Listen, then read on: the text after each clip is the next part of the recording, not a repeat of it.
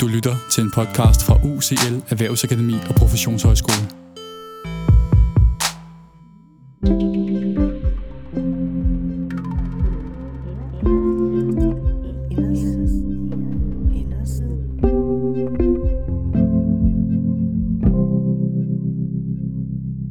Velkommen til endnu et afsnit i podcastserien om køn og seksualitet i pædagogisk praksis.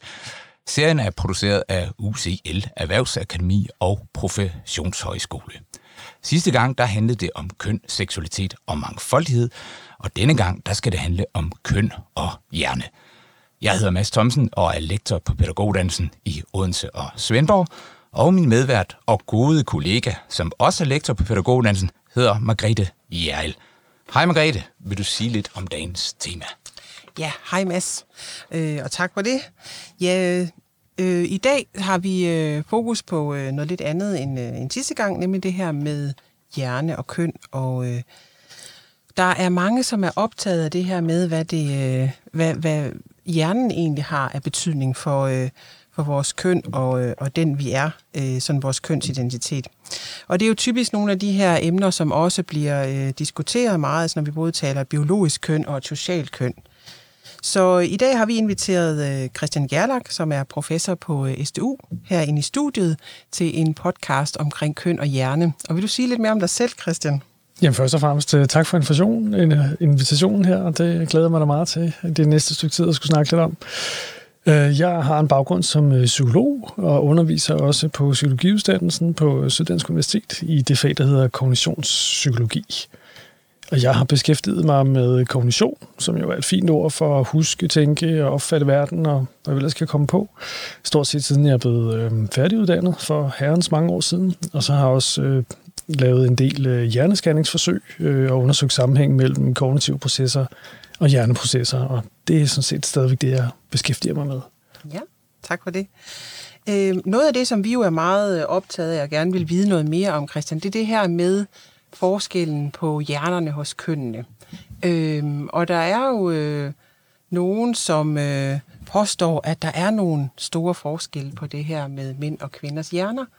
Øhm, så kan du sige noget om, hvad du egentlig har fundet ud af i din forskning omkring det her med øh, kønsforskelle i hjernerne? Findes der noget?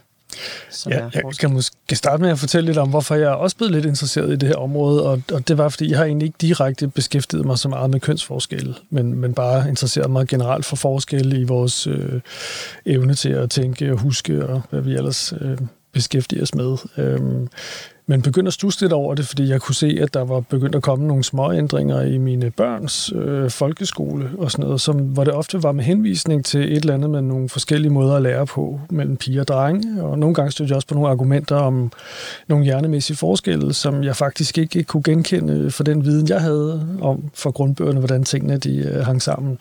Så derfor satte jeg mig for at undersøge det lidt nærmere, og, og lavede så også en, en, en gang en... Øh, en, en lille artikel til et pædagogisk tidsskrift om, hvad der var af forskel, øh, og som endte med på mange måder at få meget mere impact end øh, noget andet, jeg ellers har lavet siden, selvom det bare var sådan et forsøg på at fremstille det for folk, der ikke er inden for feltet, hvad, hvad man kan se af forskelle. Nå, det var så lige historien. Er der så nogle forskelle? Og ja, det er der. Øh, der er i hvert fald to forskelle, som de fleste øh, er enige om, der er. Og det er, at øh, drenge og mænds hjerner er større end piger og kvinders hjerner så kan man sige, er det ikke bare fordi, at der er forskel på størrelsen af mænd og kvinder? Øh, og jo, det forklarer noget af det. Men selv når vi tager højde for det, så er drengehjerner øh, større end pigehjerner, og øh, mandehjerner større end kvindehjerner. Selv på det tidspunkt, hvor pigerne er lidt større end drengene, så kan drengene faktisk godt gennemsnitligt set have nogle større hjerner, end øh, pigerne har. Og det hænger også sådan sammen, at drenge har godt og vel en 20% flere hjerneceller, 15-20 end, øh, end, end piger og kvinder har. Øhm, det er nogle forskelle, der eksisterer. Øh, vi ved ikke, hvad de betyder, øh, fordi det er i hvert fald ikke noget, der umiddelbart hænger sammen med andre kognitive forskelle, vi kender øh, i intelligens eller hukommelse eller noget. Så undertunger vil sige, at øh, det kan godt være, at der er den der forskel på størrelsen af hjernerne, og, men det, det må bare betyde, at den mandlige eller drengehjerne er lidt mindre effektiv, så den skal simpelthen være lidt større for at komme op på niveau med, med kvindens. Det er sådan lidt humoristisk udgave, men at vi ved faktisk ikke, hvorfor der er den her forskel, og, og hvad den betyder. Det var den ene forskel, som der ikke er kædet sammen med nogen kendte forskelle i nogle kognitive processer. Øhm, den anden er, og den er måske mindre overraskende, det er, at piger hjernemæssig udvikling går lidt hurtigere end drengenes. Jeg regner med sådan gennemsnitligt omkring et til to år. Øh, øh, man kan sige, men det udlignes i slutningen af, af teenagealderen, hvor de cirka kommer op på samme niveau. Så når man er nået der i teenagealderen, så er der ikke de store forskel på, på hjernens øh, modning. Og, og hvad handler den så om, kan man sige? Øh, det handler for eksempel om, at vi fødes godt nok med alle de hjerneceller, vi kommer til at have på et givet tidspunkt. Men det betyder ikke, at hjernecellerne er færdigudviklet fra fødslen af. Øhm, de danner de her fangerarme ud til hinanden, der gør, at de kan kommunikere med hinanden. Og de her fangerarme er ikke nødvendigvis på plads, når vi fødes. Øhm, det kommer de med tiden. Så der sker simpelthen en opblomstring af de her forbindelser, der er mellem hjernecellerne. Og den proces går lidt hurtigere til synderne for pigerne end for drengene. Så kommer der en efterfølgende proces. Det kunne vi kalde det hjernens forår, hvor alle tingene blomstrer op. Så kommer der en, en tilpasningsfase, hvor hjernen ligesom tilpasser sig det miljø, den er i, og det gør, at de øh, forbindelser mellem cellerne, som vi ikke skal bruge til noget, de bliver simpelthen klippet bort igen. Man siger sådan lidt sloganagtigt, use it or lose it. Og det er faktisk et produkt af læring. Altså man tilpasser sig, og man lærer nogle ting, og for at blive mere effektiv til de ting, man tilpasser sig og skal lære, så er der faktisk nogle af de her forbindelser, som var overflødige eller faktisk uhensigtsmæssige, og de bliver så fjernet igen. Og det er den proces, der kører lidt hurtigere hos piger end hos drenge, men hvor drengene speeder op i slutningen af teenagealderen, og så ligger de på det samme niveau. Så det er den anden forskel den hænger nok lidt mere sammen med nogle ting, som vi kan genkende i hverdagen, som at drenge, sådan, hvad siger man, de er lidt mindre modne, end pigerne er på samme kronologiske alderstrin. Ikke? Yes. Så det er den anden forskel. Ja. Så øh, på baggrund af det, så kan vi jo sige, at der er noget med, at øh, miljøet også påvirker hjernen meget her. Øh, altså, hvad er det? For eksempel de øh, forventninger, som vi møder kønnene med. Når du siger det her med, at, at øh, der er nogle forbindelser, der ligesom bliver glemt, fordi de ikke bliver anvendt eller øh, kommer i spil. Øh, er det korrekt forstået? At... Det kan man sagtens sige. Altså, ja. Man kan godt faktisk opfatte det sådan lidt som, at, at hjernen er en skulptur, øh, der bliver formet af erfaringen. Selvom man har to personer, der er identiske tvillinger, så har de jo så fuldstændig ens arvemasse. Øh, ud fra det, så kan man godt forudsige, hvor meget hjernen vejer hos den anden tvilling. Men selve formen, de der små krøller, vi har på hjernen, er faktisk ret forskellige fra person til person, selvom man har det samme genetiske materiale. Og det kan man kun forklare ud med, at det må være miljøet også, der simpelthen fysisk påvirker, hvordan vores hjerne kommer til at se ud, afhængig af, hvad vi øh, foretager os. Noget af det, der også sker, det er jo, at, at at hjerneområdet nærmest fysisk bliver trukket tættere på hinanden. Altså jo mere, at der er nogle områder, der skal kommunikere med hinanden, jo mere effektive forbindelser kommer der. Og så er det sådan faktisk ret, ret næsten fysisk, at så bliver de nærmest trukket tættere på hinanden, der giver anledning til de der folder på hjernen. Og det er altså det, der gør, at der kan komme sådan ret forskellige folder på hjernen, selvom vi har den samme genetik. Og det kan ligesom kun forklares med, at det er miljøet, der går ind og former det. Så ja, hvis vi nu systematisk behandlede piger og drenge forskelligt, så ville man også kunne selvfølgelig aflæse det i systematiske forskelle i, i hjernen i et eller andet omfang.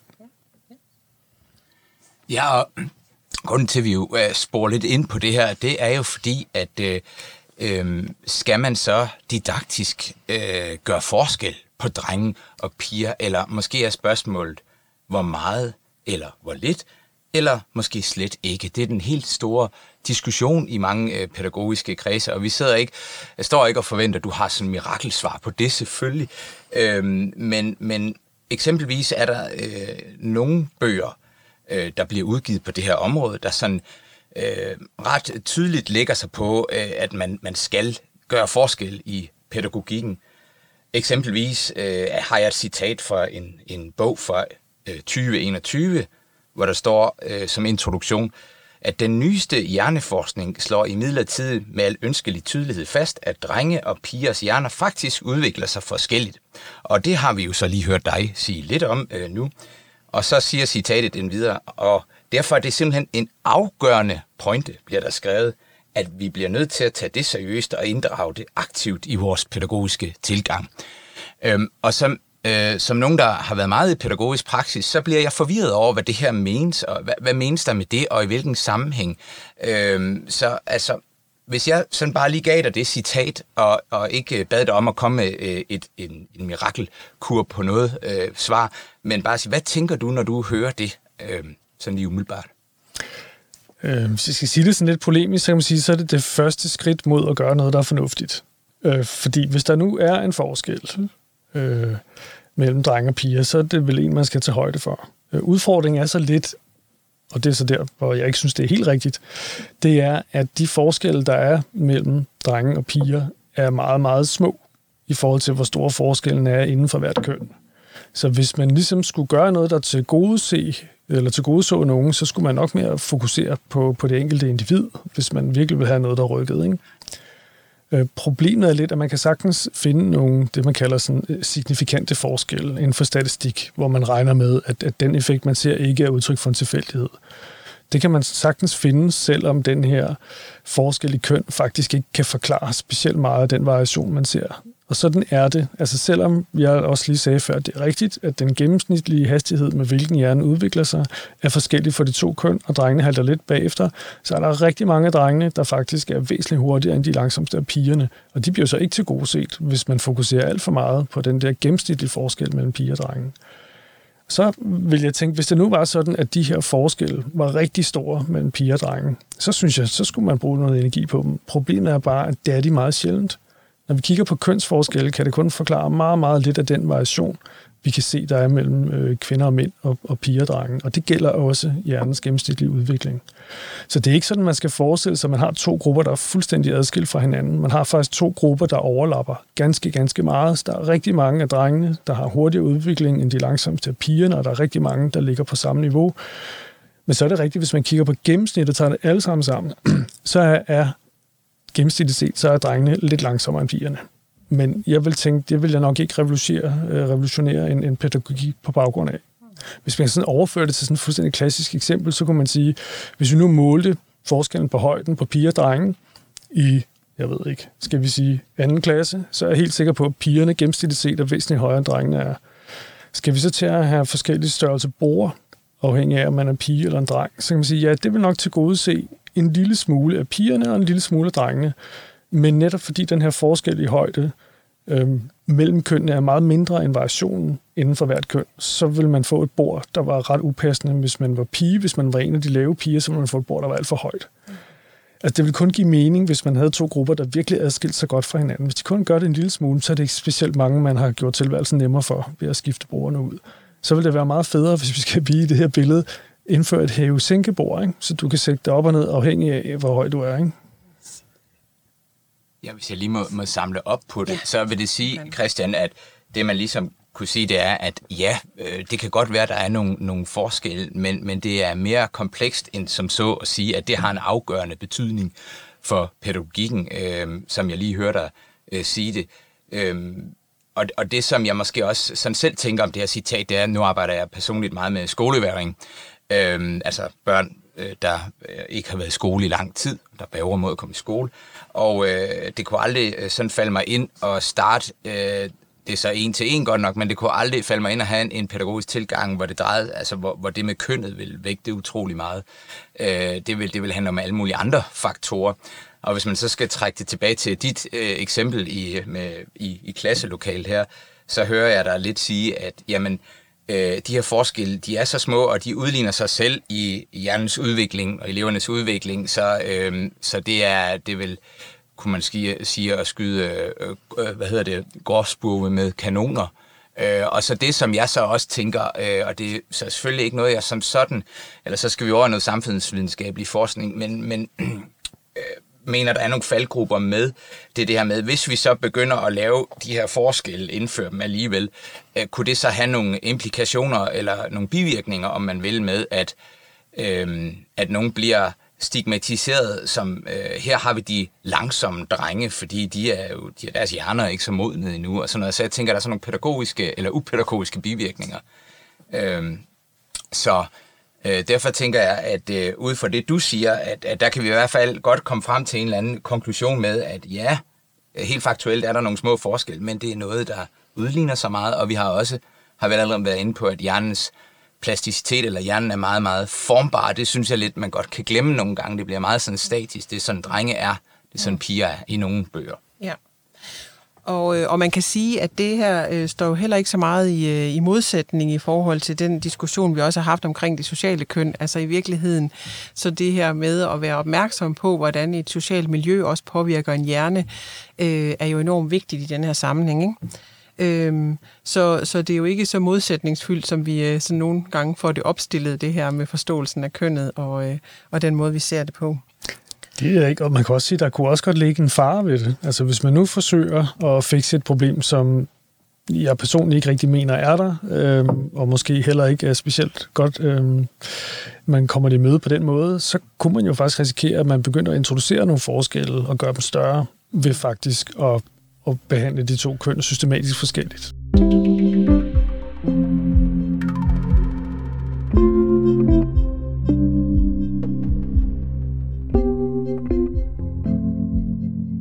Steder, Christian, man arbejder mere med sådan en øh, øh, mere normkritisk tilgang eller øh, kønsneutral øh, pædagogik. Øh, jeg tænker, eller jeg ved ikke, hvordan, hvordan ser man det sådan i relation til, øh, til hjerneforskningen? Tænker du, det er en god idé, at man øh, begyndte at indføre sådan mere kønsneutral pædagogik? For eksempel, så er der jo nogle institutioner nogle steder i Sverige, hvor man arbejder med det her med at, og, øh, øh, benævne kønnene med hen i stedet for han og hun. og det er jo sådan en, en social øh, ændring af noget. Øh, hvad tænker du om det? Altså, det er ikke sådan, at, at jeg kan komme og påstå, det, det er også her, hvor diskussionen, altså, det, det, der gør kønsdiskussionen både spændende og også lidt farlig, det er jo, at øh, det er ikke sådan, at der nødvendigvis er nogle videnskabelige facts. Øh, jeg tror, jeg har sagt et eller andet sted, at, at noget af det, der er rigtig svært med kønsstudier, det er, det lever ikke rigtig op til det videnskabelige ideal om det gode eksperiment. Hvis jeg nu som forsker skal finde ud af, hvad der er årsag og hvad der er virkning i noget, så vil jeg helst have et eksperiment, hvor det er mig, der kan kontrollere alle ting.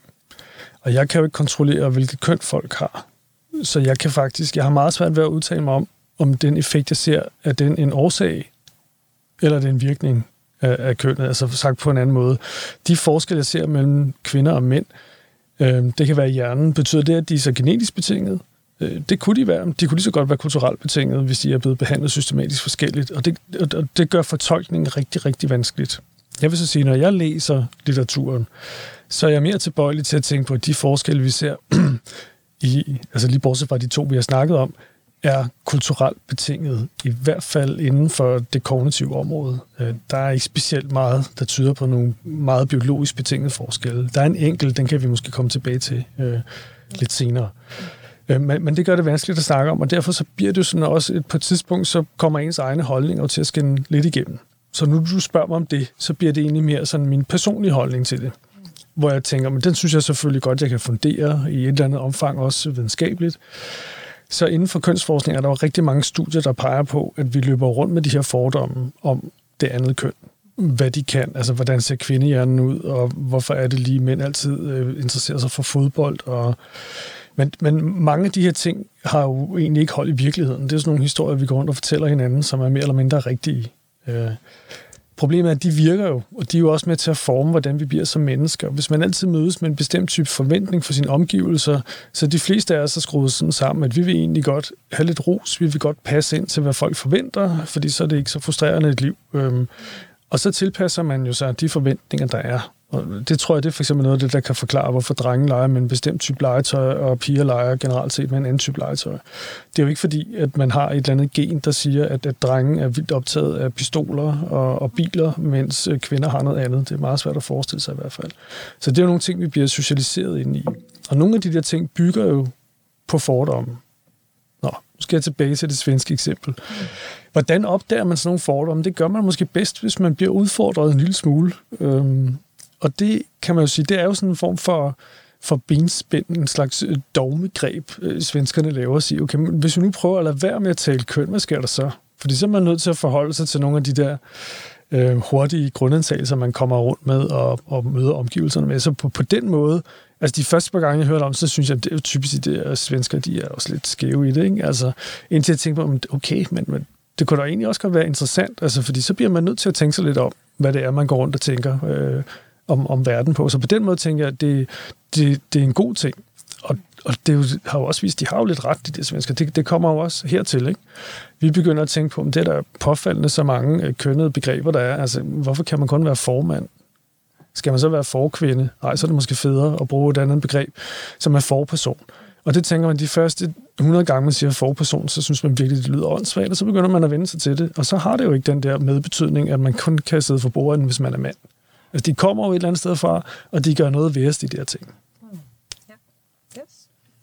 Kunne man lige holde fast i det? Altså, øh, øh, kunne man komme med sådan en, øh, en en forklaring øh, på, hvorfor er det egentlig, altså øh, nu kommer jeg med en meget uvidenskabelig, fuldstændig subjektiv oplevelse, men øh, når man konfronterer folk, øh, og særligt øh, måske endda fagfolk med, øh, med nogle af de her mulige fordomme om køn, øh, Øhm, så kan jeg nogle gange opleve, øh, når jeg underviser, at, at, at, øh, at nogen faktisk nærmest bliver helt indineret. Øh, og øh, så altså, øh, kunne man, det er måske en lille afvielse for dagens tema, men hvordan kan det egentlig være, at, øh, at, øh, eller er det bare min oplevelse, at, at at man godt kan gå sådan lidt på automatpilot. Altså, når man ser diskussioner igen meget udvidenskabeligt om, skal det en formand, eller nu må det ikke hedde en kagemand længere, så folk, de, de bliver helt, det kommer helt op til de der diskussioner. Hvad er det for en verden, vi lever i? Og, øh, jeg synes, der er mange, der sådan reagerer øh, ret negativt, når man sådan konfronterer dem med fordomme inden for i hvert fald det her område med køn, måske også andre områder, sikkert.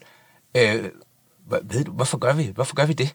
Altså, det er jo et super godt spørgsmål. Tak, øh, Christian. Det, jeg, har, jeg har tænkt på det, jeg er ikke sikker på, at jeg har svaret på det, men altså, det første, man kan tænke på, det er, hvorfor vil man så gerne skille verden op i kvinder og mænd? Og jeg tror, noget af det handler om, at når vi kigger på folks udseende, jamen, så er det så er det rimelig tydeligt, hvornår nogle er kvinder, og hvornår nogle er mænd. Der er ikke så meget overlap i de to ting.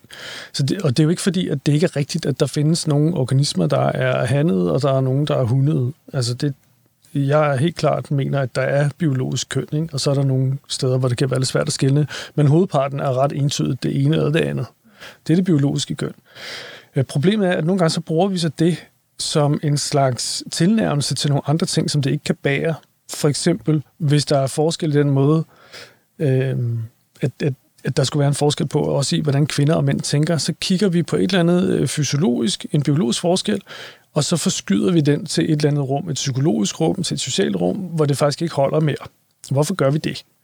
det altså generelt set, så er det jo, det er jo dødsmart, altså, at vi tænker på den måde. Altså, vi, vi, vi kalder det fordomme, når det er skidt, og det ikke rigtig rammer, men det er jo også en god måde at forudsige ting om verden på. Altså al, al min viden er organiseret i nogle kategorier, der passer sammen. Så hvis du for eksempel, hvis jeg får øje på et eller andet øh, jeg kan tage sådan et eller andet dyr, jeg aldrig har set før. Hvis det nu ligner en gris, så tænker jeg, okay, det er nok en gris.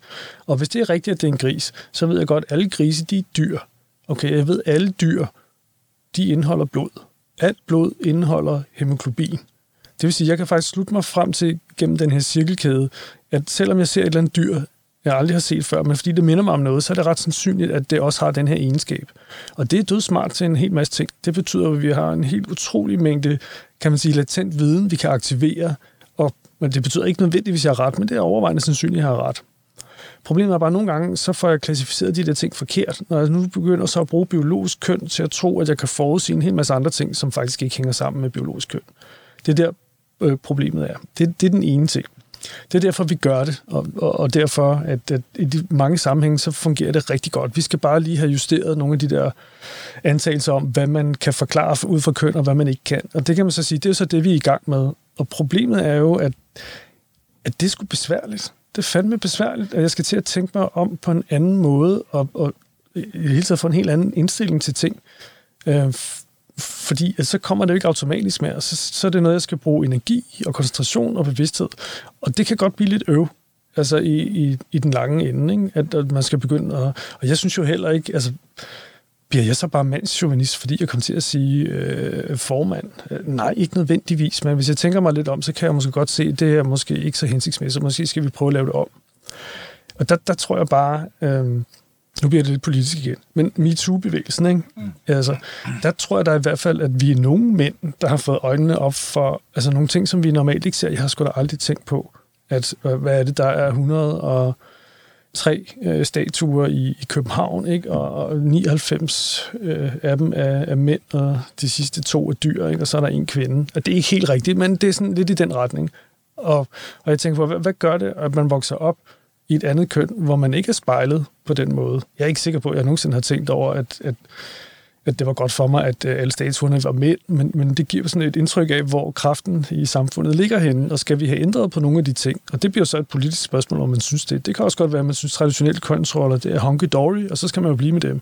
Men hvis man ikke synes det, så er man jo nødt til at udfordre den måde, man tænker på. Og det er bare besværligt, når man skal konfronteres med sin egen fordom og opdatere de ting, som man gik rundt og troede var rigtigt, som så ikke er det alligevel. Og man skal til at veje sine ord lidt mere, end man gjorde før.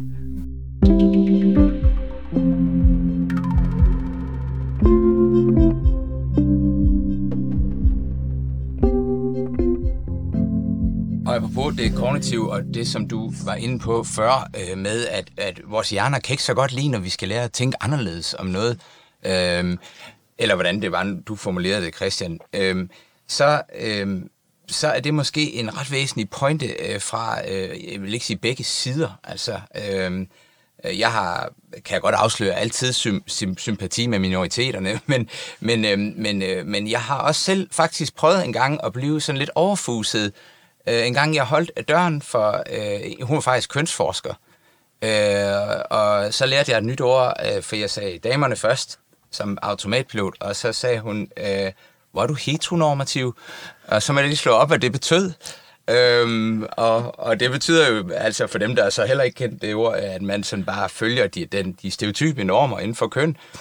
Øhm, så en pointe, som jeg hørte dig lidt sige, det er, at, øh, og, og det er måske også den dagsorden, vi to har, det er, at øh, Margrethe, os to, mm. øh, det er, at øh, hvis man skal få det bedste ud af det her, så er det altså at have sådan en nysgerrig, nuanceret tilgang i debatten, både om pædagogik og i samfundet. Er det ikke rigtigt forstået, Christian? Jo, det, det, det tænker jeg da. Altså, jeg håber da, at, at man kan være inkluderende øh, begge veje. Altså, mm. at, at der er både plads til majoriteter og minoriteter, og der er ikke nødvendigvis noget af det, der er mere rigtigt end noget andet, men der er forskellige måder, man kan gøre tingene på. Det betyder selvfølgelig ikke, at alt er relativt, men inden for det her område virker det i hvert fald sådan. Og nu, nu nævnte du også øh, lige noget omkring politik før, og øh, uden at skulle belemme dig alt for meget ved, hvad jeg også går og, og ruder med, øh, så har jeg lidt med politik at gøre. Og øh, det, vi har snakket om i dag, det kan jeg næsten genkende øh, repræsenteret, øh, alt efter øh, lidt, lidt firkantet måske, men hvilket parti man sådan snakker med. Øhm, og, og der, hvor det bliver rigtig interessant, det er netop, når vi skal snakke om øh, altså fag i skolen eksempelvis. Øh, der er nogen, der har, øh, der har det meget anstrengt med, hit, øh, ikke heteronormativt, de har det meget anstrengt med øh, normkritisk pædagogik, og ja, altså uden det skal netop lyde for polemisk, så, øh, så synes jeg, at det, de forklarer det som sådan en, en lidt radikal hippie-tilgang. Øhm, og, og omvendt er der også øh, nogen, der har kæmpe problemer med, med sådan en konservativ tilgang, hvor man holder fast i tingene, som de er. Øhm, og der tænker jeg, at det, det er altså noget, som jeg har argumenteret for øh, politisk, som, som vi to, begge to vil ønske, der kom mere end, det er faktisk at læne os op af forskning.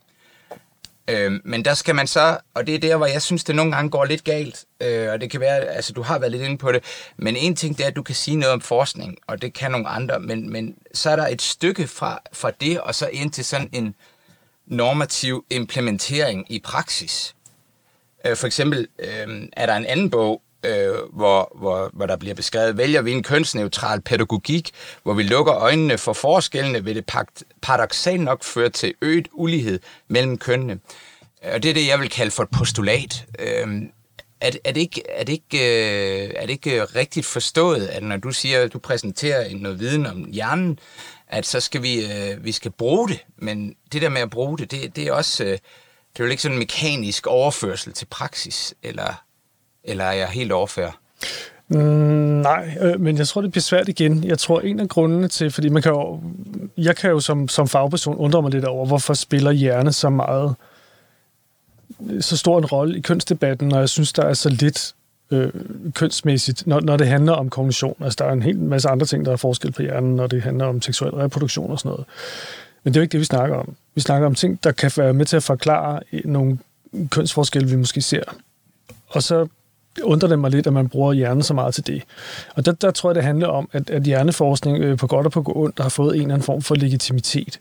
Altså, at hvis man kan iføre det et eller andet med hjerne, neuro foran, jamen så sælger det simpelthen bedre, og så virker det mere overbevisende end noget andet. Øhm, det synes jeg selvfølgelig er lidt rart og lidt flatterende, og når man arbejder inden for sådan et område. På den anden side set, så er det også, synes jeg, en, en hemsko. Altså, der er utrolig mange ting inden for psykologi, man kan forklare ganske glimrende ved overhovedet ikke at vide noget som helst om hjernen. Så er der nogle steder, hvor det kan give god mening at vide noget om hjernen, og man også øh, bliver lidt klogere på det, men det er der langt fra alle steder. Men vi kan også se det bare inden for vores egen forskning. Hvis jeg pakker det ind i nogle billeder med nogle hjernescanninger og nogle fine farver, jamen, så er det nemmere at få det publiceret. Så, så det, det er sådan et, et, et grundlæggende problem, der er. Og nu tabte jeg øh, tråden. Det vil jeg godt med i. Kan du huske, hvad Ja, men, det, jamen det, øh, det, det synes jeg faktisk ikke, du gjorde. Fordi at jeg, jeg præsenterede dig for et citat om, altså den her, det her meget sådan med det afgørende, og øh, altså det, det, vil, det vil helt sikkert nærmest føre til øget ulighed, hvis vi ikke har hjerneforskning for øje. Ja, okay. Øh, ja, det, var, det var der, vi skulle hen. Ja, fordi at Nå, men det, men det gør jo så, at det andet, jeg har sagt, det er, at når vi så ser nogle kønsforskelle, det er jo ikke fordi, jeg benægter, at der er kønsforskelle. Det kan godt, og det tror jeg er rigtigt. Jeg, jeg tror da, at der er mange lærere, der synes, at der er noget med, at drengene de opfører sig altså anderledes, end pigerne gør. Min pointe er bare, det kan godt være. Jeg tror ikke, det har specielt meget med deres hjerne at gøre. Det har nok noget at gøre med den måde, de er socialiseret og opdraget på. Så det er jo ikke, fordi jeg siger, at man ikke skal tage højde for det. Man skal bare lade være med at henvise til, at det har noget med hjernen at gøre, fordi det tror jeg ikke, det har. Øhm, derfor kan der jo godt være noget. Og så må man jo øh, forholde sig til det. Øh, og, og der bliver det så sådan, kan man sige, sådan lidt mere politisk, om man så synes, skal vi så have de øh, kønsroller, vi har i dag, eller skal vi ikke have det? Altså, der, der synes jeg, at Danmark som sådan en del af Skandinavien har der i et stykke tid forsøgt at komme lidt væk fra de sådan, mest fastsømrede måder. Ikke fordi der er noget som helst forkert i at være dreng, eller noget som helst forkert i at være prinsesse, eller være, nu fik jeg sagt prinsesse, det var interessant, det fordi jeg skulle til at sige piger. Ikke? Der er jo ikke noget galt i, at man som pige godt kan lide lyserøde ting og være prinsesse, så længe at det er også okay, hvis man er en dreng.